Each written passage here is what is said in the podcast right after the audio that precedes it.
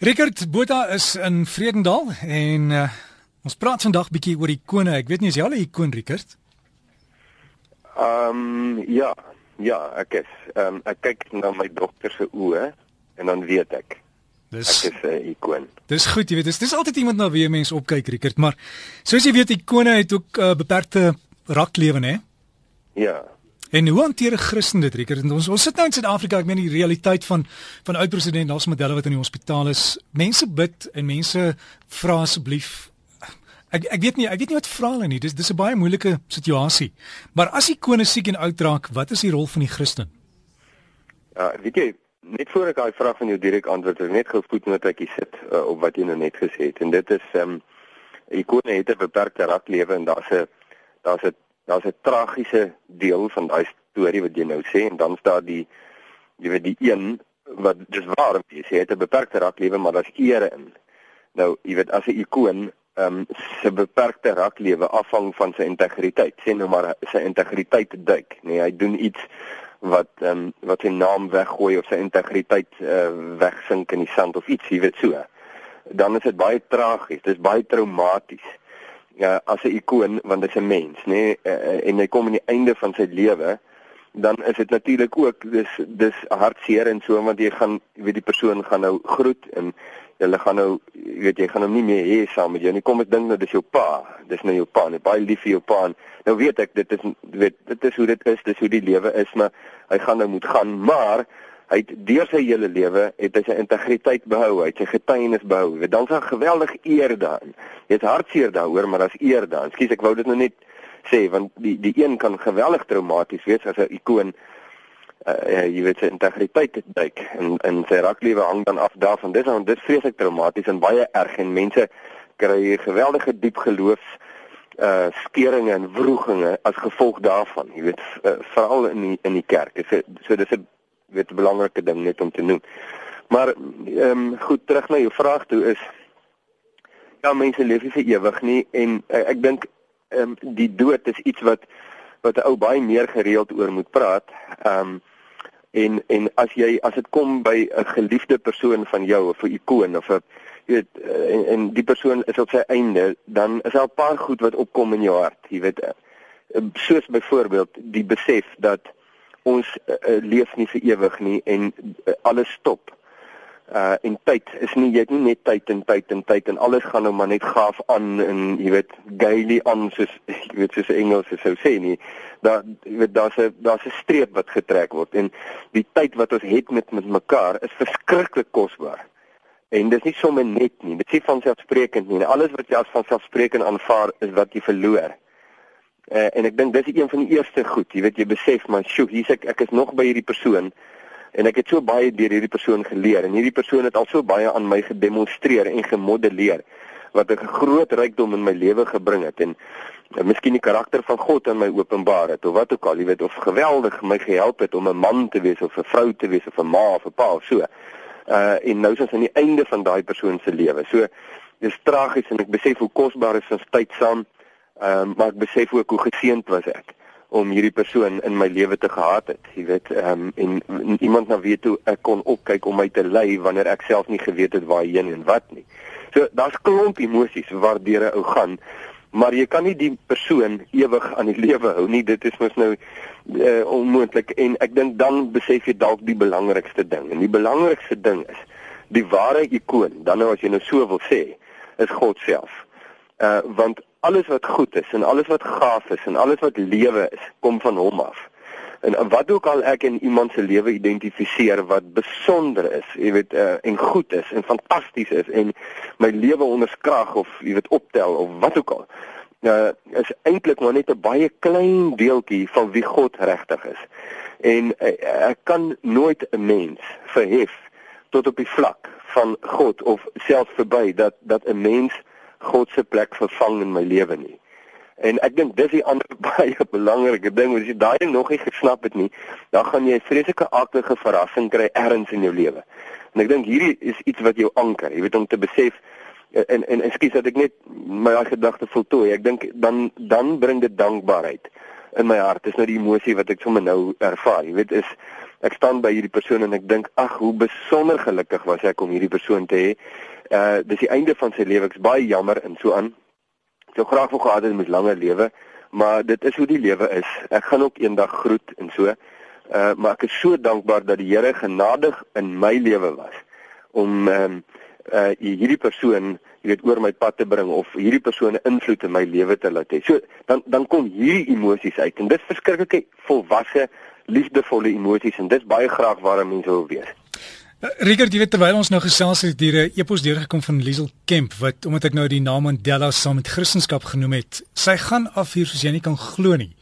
En jy weet ons ons kry baie in die media kry ons hierdie ding van mense vat ons aan omdat ons durf oor ikone praat. Maar dan dan kyk jy na wat is wêreldnuus en wat wat gebeur en dan is dit amper vir my asof sekere Christene net sê maar hulle is Christene, hulle is reg. Ander mense kan nie reg wees nie. Nou nou moet jy dadelik oordeel. En is dit nie een van die goed jy mag nie vinger wys of hoe hoe werk dit Rickert? Ja, kyk, eh, Derek, daai ding wil ek net vir ietsie sê. Daar's iets wat 'n mens baie uh, duidelik moet verstaan.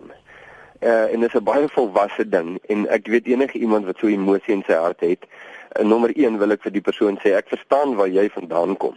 Maar waar jy vandaan kom is nie die hele storie nie en dis nie al wat jy moet weet nie. Daar's iets wat jy nog moet weet wat baie belangrik is en dit kan dalk 'n uh, uh, baie groter diepte in jou hart en in jou lewe bring. En daai ding wat jy moet weet is dat God kan gebruik wie hy wil. En as jy nie van daai persoon hou nie, nê, nee, ehm um, dan dit kan dalk wees dat jy uh dit wat God doen deur iemand, maak nie saak wie daai ou is nie. Maak nie saak wie hy of sy nie. Uh dan dan kom jy op 'n plek waar omdat jy soveel weerstand in jou hart teen hierdie persoon het en jy hierdie persoon nie kan vergewe vir wat ook al dit is nie, soos wat God gesê het nie, dat jy God se aksie en werk en bediening deur daai persoon soos wat God kies wat soewerein is, dat jy dan nie dit kan ontvang nie en dat jy dit dan weerstaan. In jou goeie intensies uh, kom jy later agter maar in my goeie intensies jy weet uh, wat ek nou voel is vreeslik edel en goeder het ek eintlik God weerstaan.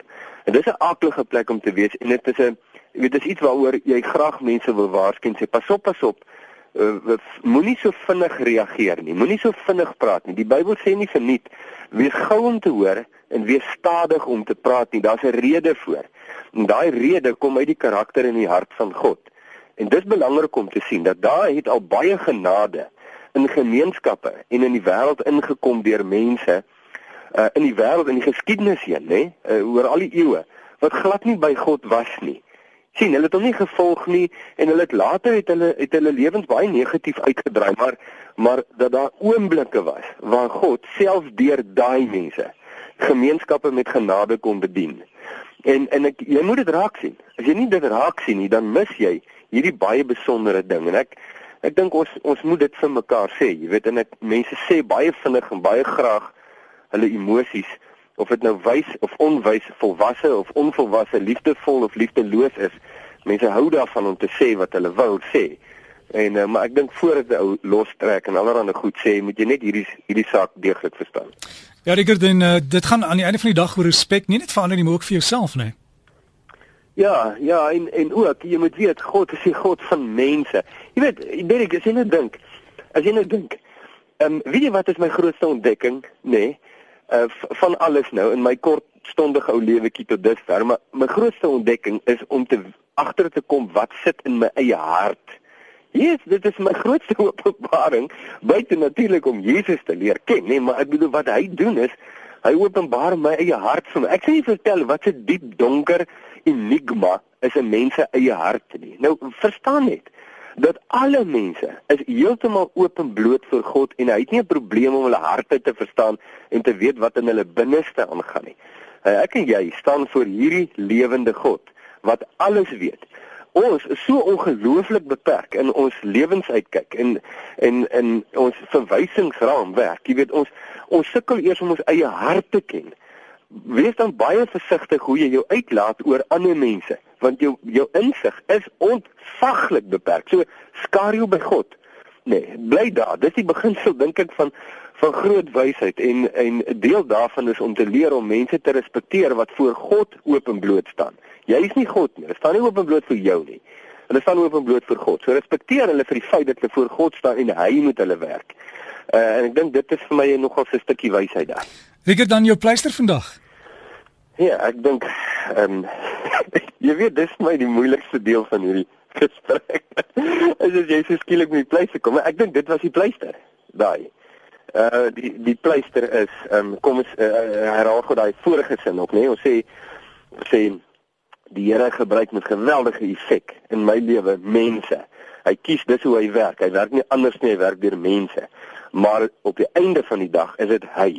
En hy is nou as jy nou die woord ikoon nou met God wil verbind, nee, ons ons gebruik nou daai vryheid. Ons sê hy is eintlik, hy is die ware ikoon. Hy is die hy is die ware een. So maak nie saak wat mense al vir my beteken het nie. Hulle kan nooit God se plek volmaak nie, nooit nie.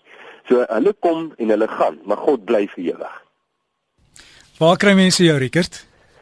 Uh Facebook is maar die beste, hoor. Ehm um, uh, in Jesus se voetspore is die Facebook bladsy se naam en as jy op die blad kom, dan is daar 'n like knoppie wat jy moet druk om uh, deel van die gesprekke te wees. Ek sal ook een want ek dink na vandag en 'n paar mense sê do not like.